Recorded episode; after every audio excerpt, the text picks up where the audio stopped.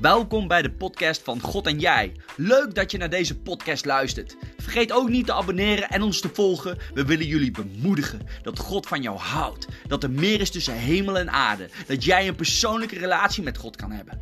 Vergeet ook niet onze website te checken: www.outreachzutphen.nl. Be blessed in Jesus' name.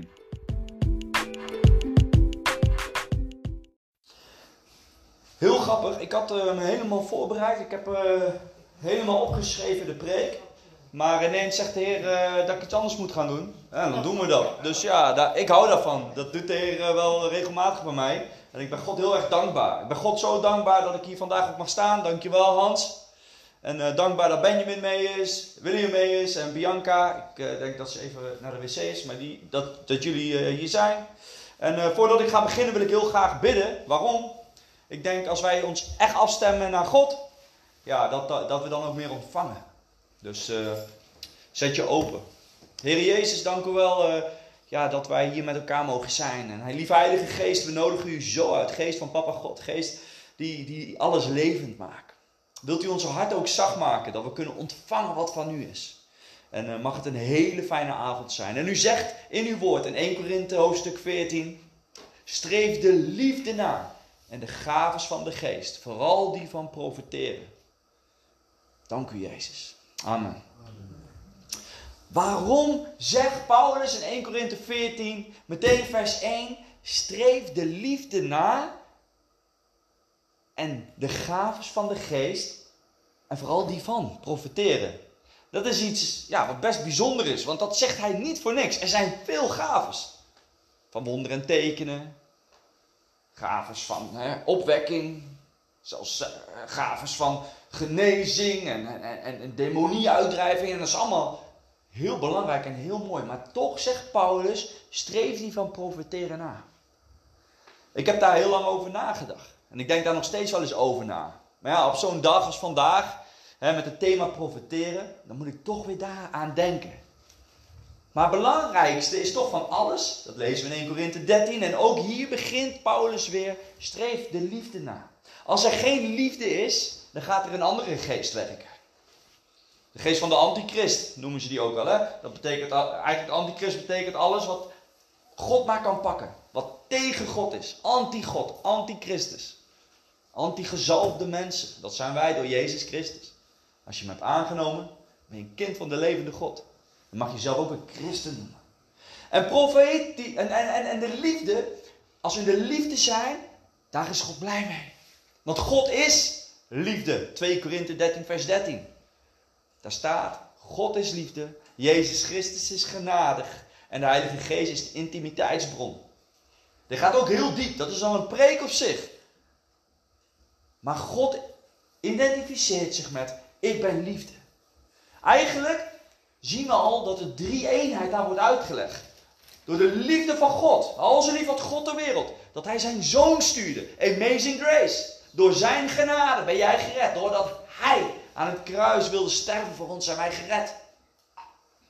En daardoor, als wij Jezus aannemen door die genade, krijgen wij ook, worden wij bezegeld met de Heilige Geest. Snap je? God is liefde. Jezus Christus is genade. En de Heilige Geest is de intimiteitsbron. Ik vind dat zo bijzonder. Dat als we over het woord nadenken, vanuit de relatie, vanuit de liefde, dan gaat God tot ons spreken en gaan we hem verstaan.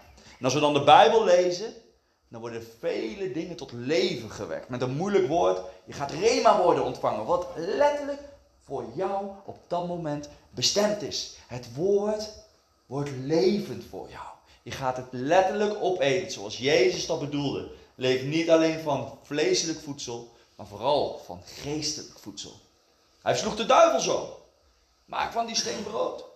Maar en eh, wat zeg Jezus tegen de duivel? Een mens leeft niet alleen van voedsel, maar vooral van de regels, van de wetten, van de Torah, van, van, van, van het woord, van het levend geworden woord wat God aan ons heeft gegeven. En als wij in die liefde blijven, helemaal op God focussen, dan gaan wij ook makkelijker in de gaves werken. want iedereen kent dat wel eens als iemand op je teen trapt, dat doet zo'n pijn. Dan ben je in één keer, als je boos bent, ben je in één keer, Je luistert dan niet meer naar het geloof, maar je luistert naar je gevoel. En daar wil ik vandaag over hebben, want ik wil het hebben over de bestemming, je profetische bestemming. Want iedereen is geen vergissing. Op iedereen rust een doel van God. Jezus zegt niet voor niks. Sommigen zullen 30, sommigen zullen 60 en anderen zullen honderdvoudig vrucht dragen. Als jij honderdvoudig vrucht wilt dragen, dan zeg je dus eigenlijk, zo kan je het zien, ja, ik wil niet uh, maar een soldaatje zijn, wat eervol beroep is, wat mooi is. Nee.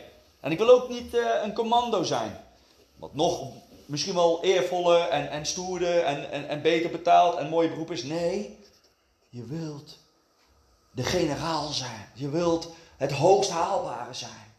Je wilt dat doen wat het hoogst haalbare is als een soldaat.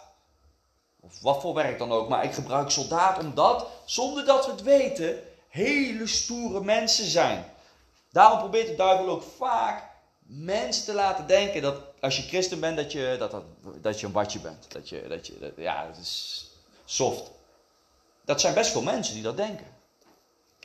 Maar als wij de Bijbel lezen, lezen we dat alle discipelen van Jezus, die honderdvoudig vruchten uh, hebben gedragen, het leven hebben gegeven, zijn martelaren geworden. Johannes op Patmos is verbannen, maar dat is ook geen pretje. Stefanos, die zich niet stenigen, omdat hij uitkwam dat hij een gelovige was van Jezus. Jezus zelf, die zijn leven had gegeven, gewoon had gegeven. Hoe hij er onderuit kon komen toen Pilatus zei, ik kan je helpen. Jezus zegt, jij kan mij helemaal niet helpen. je moet weten wie ik ben. Hè? En toen hij stierf, dat zelfs de mensen, de Romeinen, zeiden waarlijk, dit was de Zoon van God. Maar op ons allemaal rust een roeping, rust een opdracht. God wil namelijk jullie allemaal trainen om een, misschien heel gek te klinken, om een martelaar te worden. Misschien word je dat niet, maar hij wil je wel zo trainen dat je bereid bent, zoals Paulus zegt. Leven is Christus en sterven is winst. Leven door niet meer je eigen kruis te dragen, maar het kruis van het christendom. Leven om een ander lief te hebben. Om te leven, om God overal op nummer 1 te zetten. En ik sta hier te preken en ik ben er ook nog niet hoor. Maar Petrus was er ook nog niet in het begin. En zelfs niet toen hij met Jezus wandelde. Hij sloeg zo de orde af van de soldaat. Nou, in de wereld, bij mensen zouden we zeggen, nou, dat is een echte vriend. Dat is een echte vriend, die komt voor mij op. Maar Jezus zegt iets anders. Hij zegt tegen Petrus, Petrus, wie iemand slaat met het zwaard, zal zelf omkomen met het zwaard. En Jezus pakt zo de oor van de vijand die hij mee wilt nemen, die hij meeneemt naar de dood. En hij legt de oor weer op de plek. Melchio heette die, dacht ik, hè, die soldaat. En hij bidt. En hij is genezen. Wow. En hij zegt, neem me maar mee. Ongelooflijk. Ongelooflijk. Jezus had overal onderuit kunnen komen. Hij deed het niet. Stefanus had overal onderuit kunnen komen. Maar hij deed het niet. Omdat hij de getuigenis belangrijker vond. Om de mensen de waarheid te zeggen vanuit de liefde belangrijker vond. Dan wat de mensen van hem vonden. Dan wat de mensen hem konden geven. Mensen kunnen ons heel veel geven. Ja, als je populair bent. Als je bekend bent. Als je veel geld hebt of, of een beroemdheid bent. Maar als je oud wordt of je faalt of je bent niet meer hip, dan vergeten ze je. Dan ben je helemaal niks meer. Dan mag je het uitzoeken. Ben je ineens arm? Heb je niks meer? Maar God is niet zo. God zegt zelfs iets heel geks. Iets heel geestelijks. Streef niet naar aardse rijkdommen, maar streef naar rijkdom in de hemel waar nog mot, roest ze kan aantasten, kan aanvreten. Misschien zijn de miljonairs en alle bekende mensen hier op aarde heel erg gelukkig. En als ze dan 80 jaar worden, hopelijk gaan ze dood. En dan, hopelijk hebben ze eeuwig leven. Hebben ze voor Jezus gekozen. Maar wat hebben ze dan in de hemel? Want in de hemel wordt ook beschreven dat er toch wel taken zijn. Dat er toch, ja, je kan toch nog dingen doen straks in het eeuwig leven. In het nieuwe Jeruzalem. Daar staat toch geschreven dat daar ook taken zijn, dat er toch functies zijn. Dat is heel bijzonder, dat is een geheimenis, daar gaan we straks achter komen. Maar daarom zegt Jezus ook: ik ben een, Mijn vader is een heilige God. Ik ben gekomen om niet te doen wat ik wil, maar alleen maar te doen wat de Vader wil. Daarom luister ik niet meer naar mezelf, maar luister ik naar de Geest. Jezus werd immers geboren door de Heilige Geest.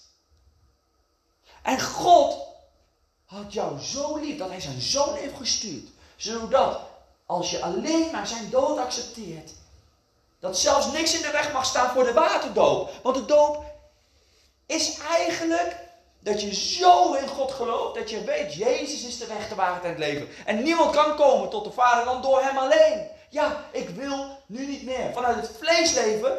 Ik wil geestelijk geboren worden. Dat is ook een profetische daad. Waarom is dat een profetische daad? Omdat je geloof hebt. Omdat je weet, als ik verder behandel met God, dan moet ik hem gehoorzamen in alles. En als je net gelovig bent, klinkt dat heel gek. Dat klinkt toch ook gek? Als je iets zegt en je snapt het niet. Daarom zijn heel veel kerken er ook. Ja, die doen eigenlijk onbijbelse dingen. Die zeggen gewoon, nou, je moet eerst maar drie avonden komen voor bijbelstudie of je nog wel gedopen worden. Ik denk dat daardoor heel veel mensen niet gedoopt zijn. Snap je wat ik zeg? Het is eigenlijk gevaarlijk als wij op onze menselijke manier, hoe goed bedoeld ook, hoe duidelijk ook, met regels komen waar de Bijbel ons voor waarschuwt. De Bijbel zegt niet, als je gedoopt worden, dan moet je eerst getoetst worden of je, of je, of je wel gedoopt wordt door, door, door nog even een week te wachten. Nee, de Bijbel zegt, als jij met jouw tong beleidt en in jouw hart gelooft dat Jezus Christus de Zoon van God is, gekruisigd is, voor jouw zonde uit de dood is opgestaan, daar is het watergraf. Sterf aan jezelf en wordt opnieuw geboren. Niet meer vanuit het vlees, hè, vanuit jouw lichaam, vanuit de wereld. Nee, maar vanuit de geest. Je wordt geestelijk geboren. En daar gaat kracht mee gepaard. Dat geloof ik. En dat ga je ook meemaken. Je geloof gaat groeien. Het is een, een, een overtuiging van God. Ik wil gebruikt door u worden. Ik wil getraind door u worden. Ja, ik wil gewoon opnieuw geboren worden. En dat legt Johannes hoofdstuk 4 zo mooi uit. Wanneer Jezus tijd maakt voor die Nicodemus, die fariseeën. S'avonds, waar niemand hem ziet. Zo lief is Jezus. Wij zouden zeggen, wat een hypocriet. Wat een hypocriet is die, man. Hij wil wel over Jezus horen, maar dat moet dan in het donker, want niemand mag hem zien. Maar Jezus denkt niet zo, als hoe wij denken. Jezus ziet een kans om op zo'n manier een mensenhart te bereiken.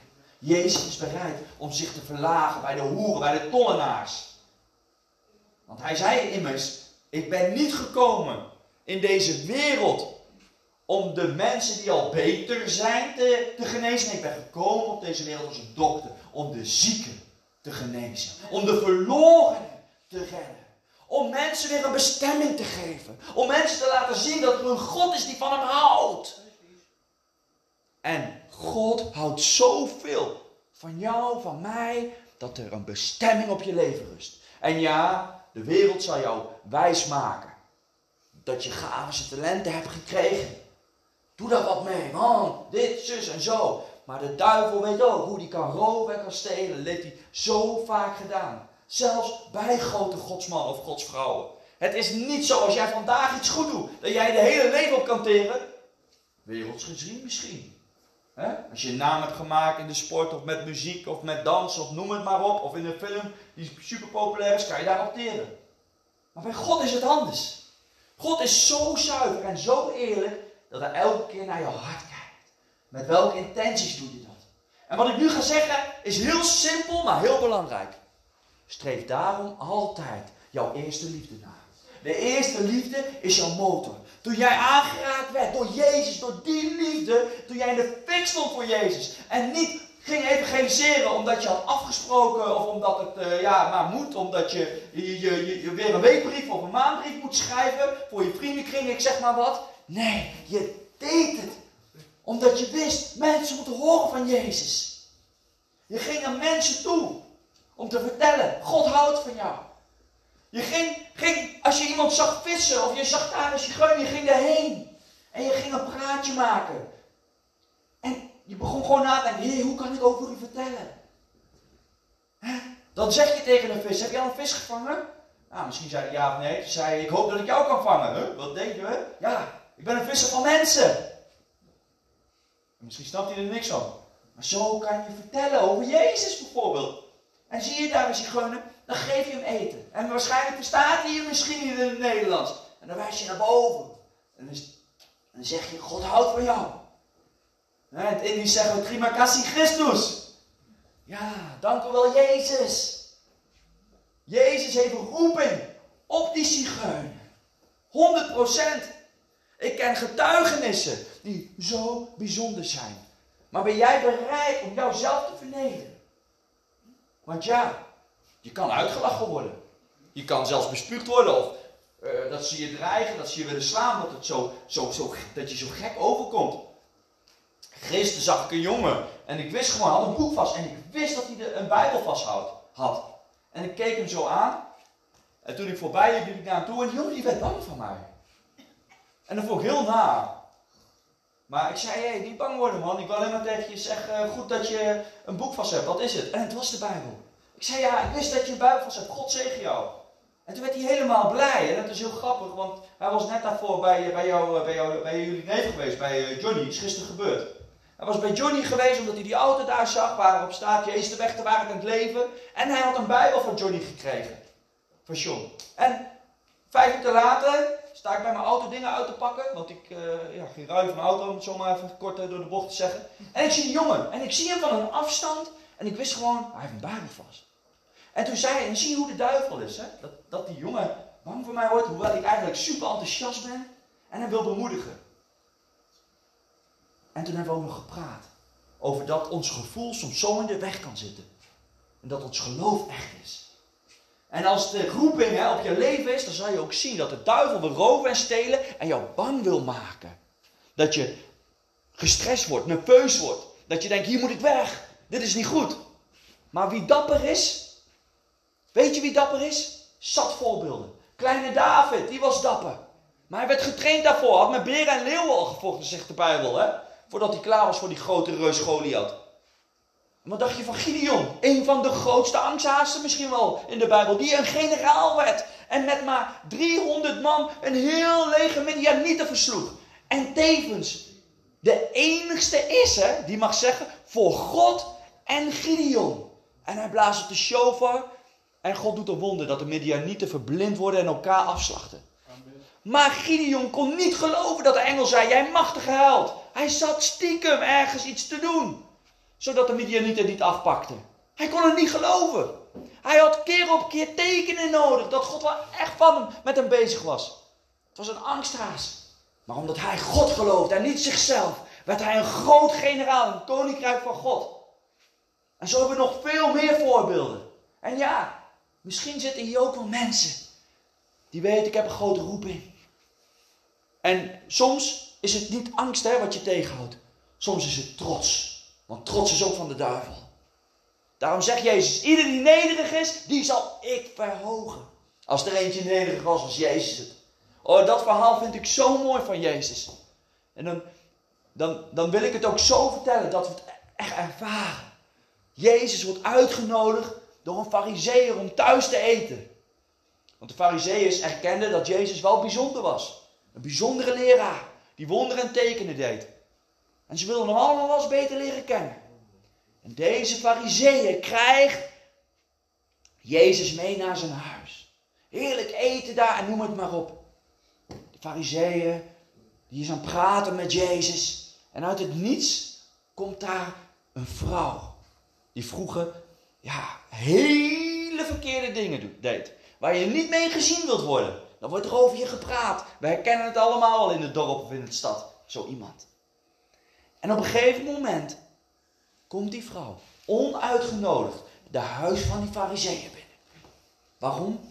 Omdat Jezus daar is. Niets kon haar stoppen. En wat doet ze? Ze kust de voeten van Jezus. Ze zalft de voeten van Jezus. En Jezus voelt in de geest dat deze fariseeën het volgende denkt.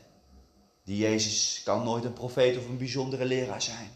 Want hij weet niet wie deze vrouw is. Dat is zo'n smerige vrouw. Daar wil je toch niet mee gezien worden? Jezus draait zich om. En dan zegt hij iets heel bijzonders. En ik bid echt dat dit mag landen in ons hart. Want dit verhaal raakt mij zo erg.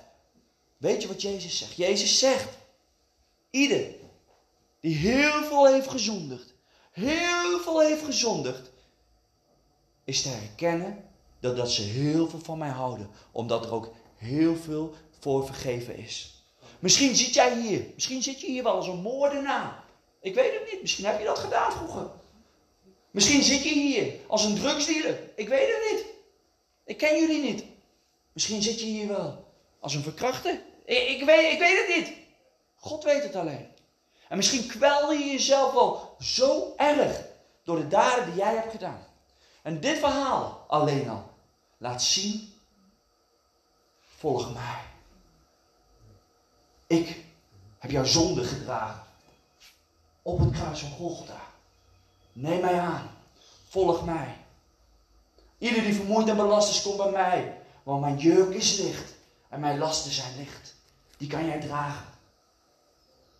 En hoe kan je dan niet zoveel houden van deze Jezus? Deze vrouw had dat door. Deze vrouw wist, deze Jezus ga ik volgen. En daarom zegt Jezus ook, jij kan wel zeggen dat je van me houdt. Maar weet je hoe ik weet dat je van me houdt? Als je doet wat ik je heb opgedragen. Wow, en die is zwaar. En die is hard. Hoe vaak heb ik dat wel eens niet in seizoenen? Dat ik zo graag God wil dienen en ook tegen dingen aanloop. Zo vaak. En soms dan laat ik de duivel er ook tussen komen hoor. Dan voel ik me minder waardig. Dan word ik boos op mezelf. Maar soms, dan ervaar ik ook hè, dat de Heilige Geest zegt: Edward, draai de zon. Kijk eens hoeveel je van me houdt. Je moet niet zo boos op jezelf zijn. Ik ben met je bezig.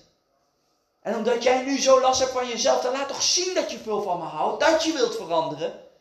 En dan denk ik, ja, dat is de waarheid. Vaak wij mensen moeten iets, eerst iets onder ogen komen van onszelf, een karaktertrek of wat dan ook, om er zo van te walgen. En dan pas verder geholpen kan worden. Ik ben heel taai vlees hoor.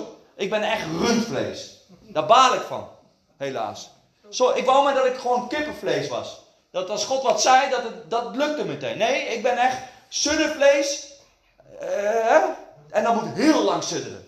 En ik doe soms zo mijn best. Maar omdat het mijn hartgesteldheid gelukkig dan vaak wel goed is. Maar ja, mijn hoofd, oh, ik wil zo, ah, dan zoek ik toch het randje op en dan, ah, eh, en dan gaat het even goed en dan, ah. Ik moet vaak eventjes hard om mijn smoel gaan om het netjes te houden. Daar leer ik vaak van. Daarom zegt God ook, hè. En daar wil ik ook jullie mee bemoedigen. Dan kunnen we wel zeggen, oh God, waarom, waarom uh, is het zo? En dan word je boos op God. Nee, God zegt daarom ook. Ieder ouder die van een kind houdt, tuchtig hem. Daarom kan je zien dat je van je kind houdt. God houdt van mij. Daarom doet hij me soms eventjes op de pijn te drukken. Nee, hij laat me niet met mijn gang gaan, want dan, dan, dan mis ik mijn doel of heb ik vertraging op het pad. Nee, hij brengt me weer terug, omdat er een roeping op ons leven ligt. Er rust een roeping. En zolang jij steeds ja zegt, zal God kosten wat het kost, je steeds weer bij je nekveld trekken. En ja, als je doorgaat, laat hij je los, maar ben je altijd weer welkom. Denk aan het verhaal van de verloren zoon. De verloren zoon, die kwam terug. Maar ja, de vader zei ook eerst: Hé, hey, jij bent hier toch goed? Ach, ga toch niet weg. Jawel, papa, ik wil feest vieren. Ik, ik heb hier geen zin meer in. En dat ging waarschijnlijk een poos zo door. En toen zei de vader ook: Wat God ook soms doet, uit liefde. Zoek het dan maar even uit. Maar weet dat ik altijd van je blijf houden. Weet dat ik je de tijd gunt om weer thuis te komen. En ik hoop dat je thuis komt. En wanneer je thuis komt, dan zie je hoe blij God is, de Vader is. De verloren zoon omhelst die. Hij knuffelt hem. Hij feest en noem het maar op. Dat deed God ook uit liefde. God houdt jou vast. Houdt jou vast. Houdt jou vast. Houdt jou vast. Echt waar, nee. Hij houdt jou vast. 100% Echt waar, jij komt hier sterker uit. Omdat je de training hebt door, door, doorleefd. Snap je? Daarom heb ik ook gezegd, ik wil met jou een podcastje opnemen. Wij zijn vaak veel beter te gebruiken als de duivel zogenaamd feest viert. En wij kiezen weer voor God, dan worden wij nog sterker. Want door elke omstandigheden die jij hebt meegemaakt, die de duivel dacht te pakken, zegt God, het is je niet gelukt. En dit gebruiken we nu ten goede. We, kennen mensen.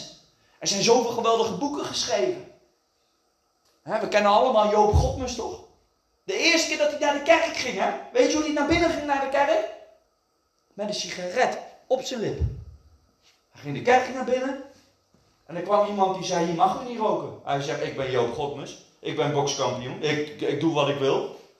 En toen kwam de koster, die pakte maar een asbak. Wij kijken heel anders.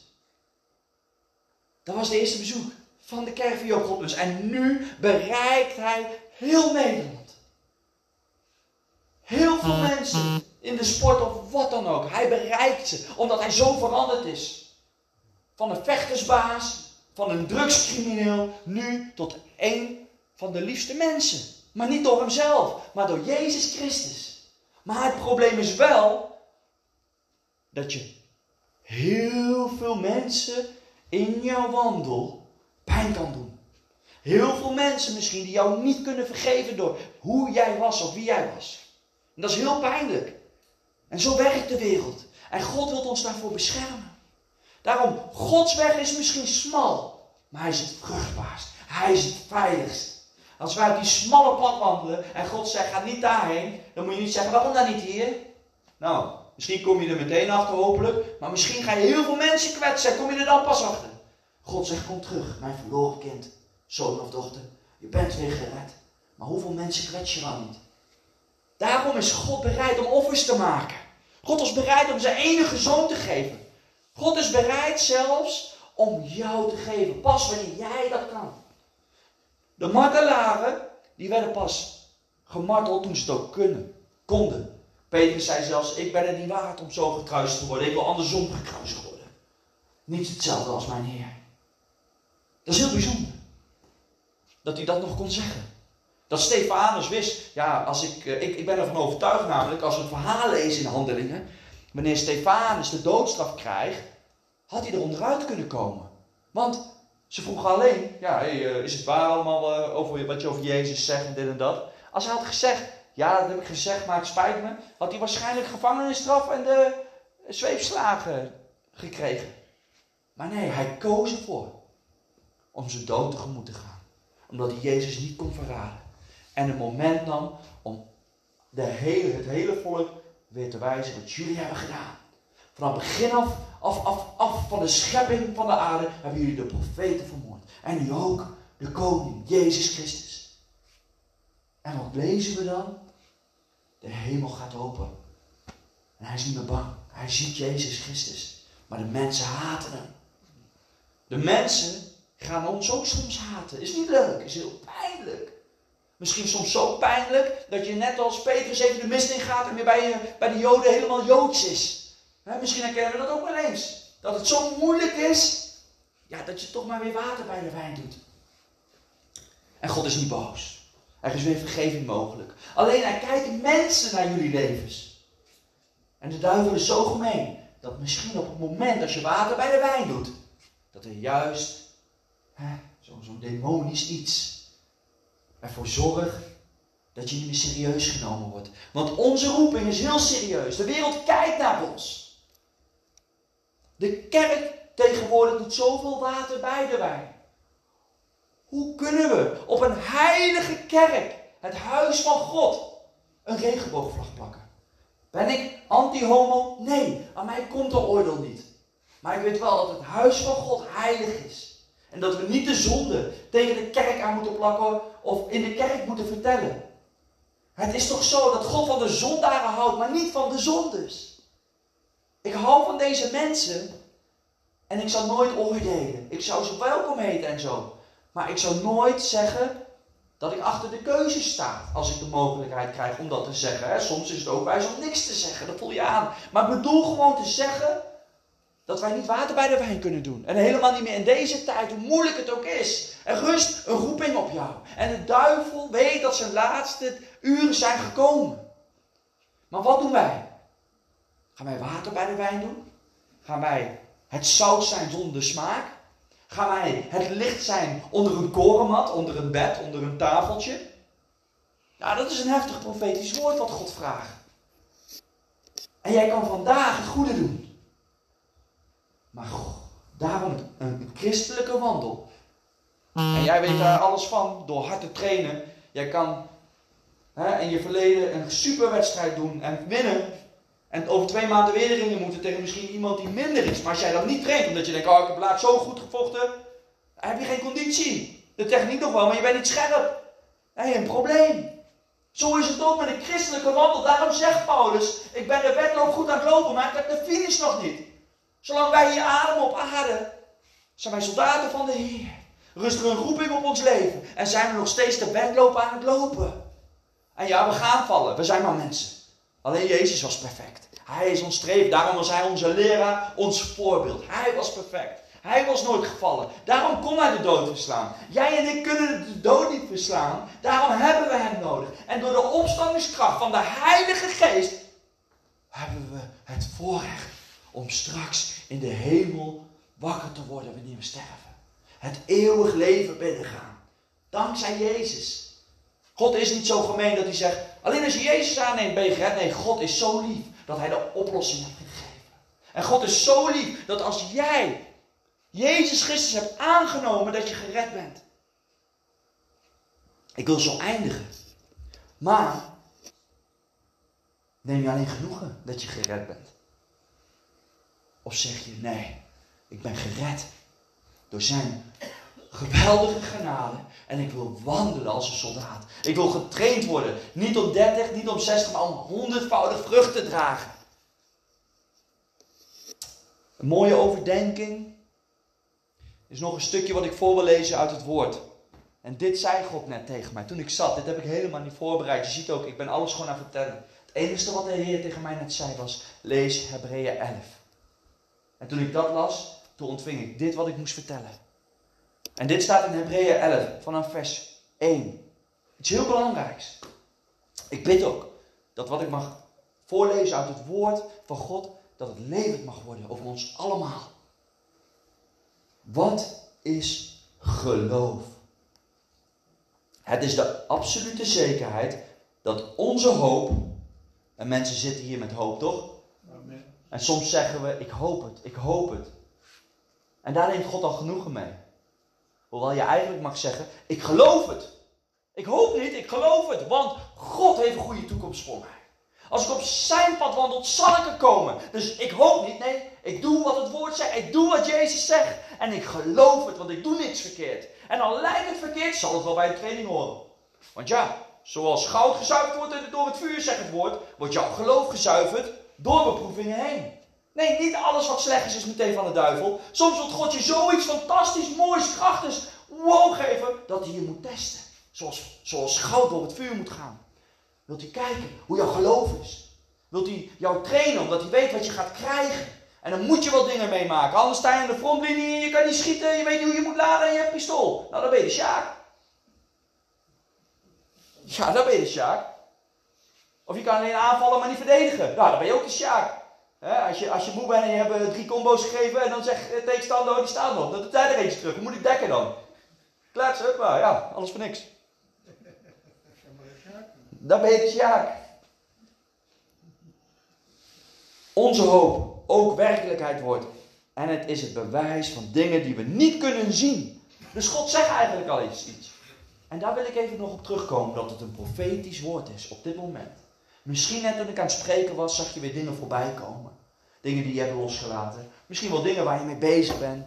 Dingen die te spannend zijn, dat je wel weet dat is van God, maar ik leg het even in de diepvries of misschien in de koelkast of het is wel aan het ontdooien. Nee, als God het laat zien, mag je het elke keer pakken. En dan zeg je, ik weet niet wanneer het gebeurt, maar ik ben bereid. Ik ben bereid om hier bezig te zijn. Want dat is het onzichtbare wat God je al heeft gegeven. Met andere woorden, wat ik hier lees. Dat is het onzichtbare wat zichtbaar gaat worden over jouw leven. En dan proclameer ik op één hier. En doe ermee wat je wil, maar ik wil het vrijzetten in je leven. Geloof het. Geloof het. En dan ga ik iets heel inspirerends vertellen nog, wat de Bijbel vertelt vanaf vers 2. Vroeger hebben vele mensen vanuit dit geloof geleefd. Zij zijn ook door hun geloof bekend geworden. Nou, ik wil bekend zijn in de hemel, niet hier op aarde. Kijk daar nou aan. Als ik dood ben, eh, ik weet geen eens meer wie mijn uh, over-overgrootvader is. Hoewel dat gewoon familie is. Ik weet niet meer. Weten jullie dat? Wie jouw over-overgrootvader is? Nee, zo snel word je vergeten. Dat is toch bizar? En zo snel gaat het. Zo snel word je vergeten hier op aarde. Dus daar heb je helemaal niks aan. Nee, wij willen bekend zijn in de hemel. Wanneer we daar komen. Dat we mensen zien en jou kennen. En dan zeg je, waarom ken je me? Ja, omdat jij op straat zei dat Jezus van me hield. Ben ik de Bijbel gaan lezen.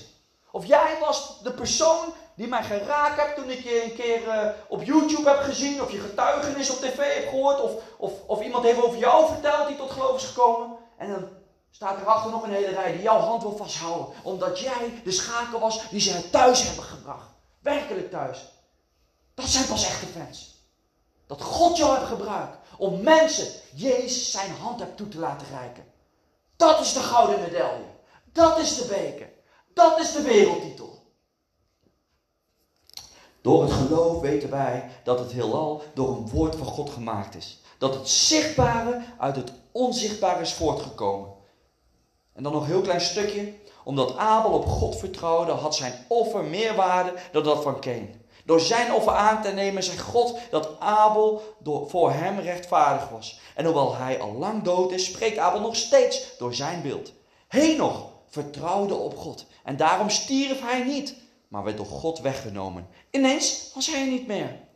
Voordat dit gebeurde had God gezegd dat hij heel tevreden over Henoch was. Maar als iemand niet gelooft, kan God niet tevreden over hem zijn. Wow. Wie tot God komt, moet geloven dat Hij bestaat. En beloont wie Hem zoeken. Zie je hoe makkelijk het is, hoe lieve vader we hebben. We hoeven Hem alleen maar te geloven, Hem te zoeken en Hij zal ons belonen. En soms zien we het niet meteen. En soms gaat er een tijd overheen. En dan begrijpen we het ineens. Dan zien we de patronen die God steeds liet zien. Noach vertrouwde op God. Toen God hem voor de toekomst waarschuwde, geloofde Noach hem. Hoewel niets erop wees dat er een grote overstroming zou komen. Hij deed toch wat God hem opdroeg en bouwde een ark om zijn gezin te redden. Zijn vertrouwen in God stak schil af tegen de zonde en het ongeloof van de rest van de wereld. Door dat vertrouwen werd hij een van hen die voor God rechtvaardig zijn. Ik wil hier mee het woord eindigen. Amen.